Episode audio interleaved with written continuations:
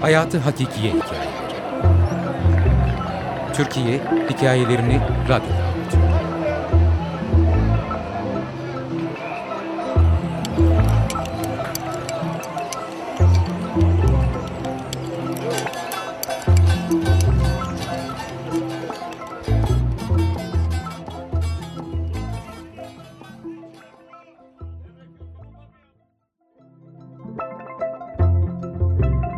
Elektrikçi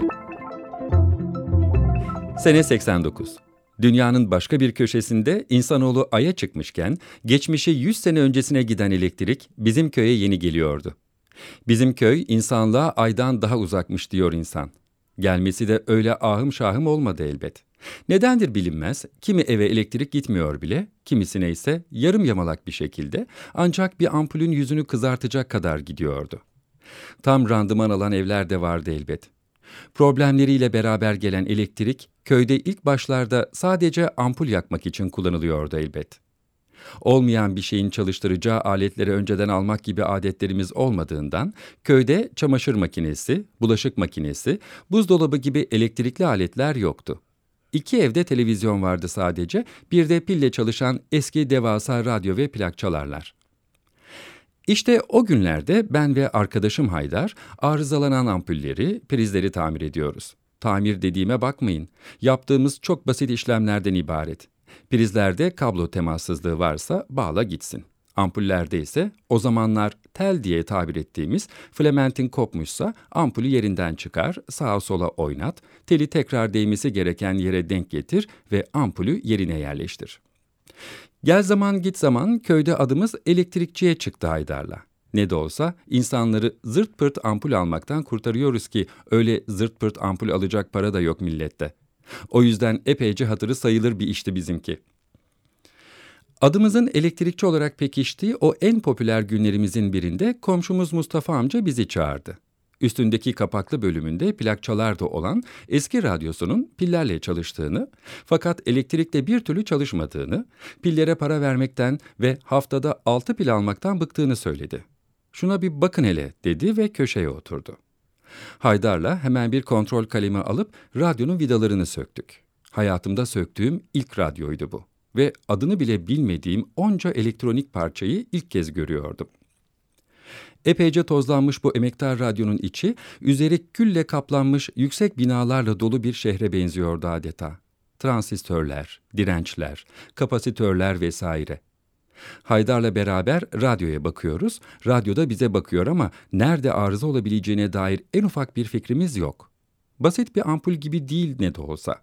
Bir ampulün içinde iki çubuk ve bir tel var o kadar. Bu öyle değil. Koca bir şehir gibi, karman çorman. Hiçbir şey anlamadığımız için radyoyu kapatmaya karar verdik. Tam kapağı kapatırken Haydar'a bir fikrim olduğunu söyledim. Fikir oldukça pratikti. Kardeşim bu radyo pille çalışıyor mu? Evet. Ama elektrikle çalışmıyor. Çalışmıyor.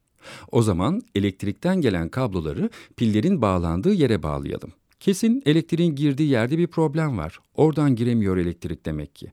Ama pillerin oradan girişte bir sorun yok.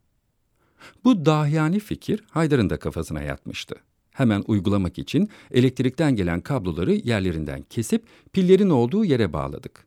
Teorik olarak müthiş olan bu fikrin ne kadar saçma olduğunu fişi prize takınca anladık. Bom. Ortalık toz ve duman. Her yer bir anda yıllardır radyonun bir parçası haline gelmiş tozlarla kaplandı. Sanki birisi evin içine el bombası atmış gibi. Şok içinde kalan bizler bir de Mustafa amcanın celallenmesi ve küfürlerine maruz kalınca kafaya sopayı yememek için topukladık. Zavallı amcanın emektar radyosu bir anda haşat olmuştu. İki gün sonra kızı gelip babam Ali gelip şu lanet radyoyu alsın götürsün diyor dedi. Dünyanın en mutlu insan verdim bir anda. Çünkü en güzel oyuncağım olmuştu o benim.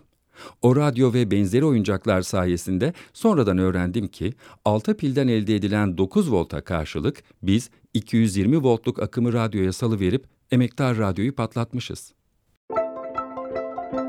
Elektrikçi Yazar Ali Can Türk Editör Deniz Altınay Okuyan Mesut Özkeçeci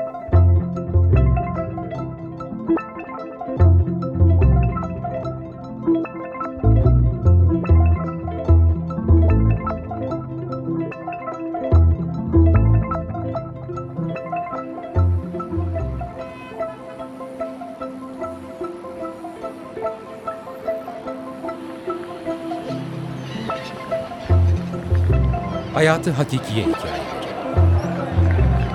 Türkiye hikayelerini radyoda.